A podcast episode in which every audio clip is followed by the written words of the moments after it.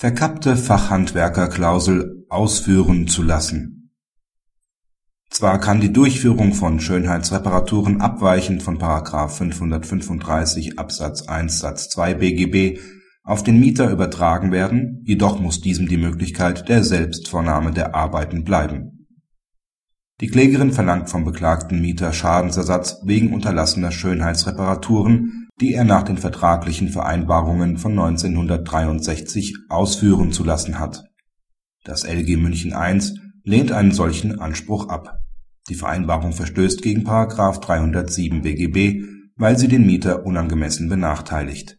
Die Klausel kann bei einer mieterfreundlichen Auslegung dahin verstanden werden, dass dem Beklagten die Durchführung der Schönheitsreparaturen in eigener Person untersagt ist. Denn aus der Wendung ausführen zu lassen ergibt sich, dass der Mieter die notwendigen Arbeiten nicht selbst durchführen darf.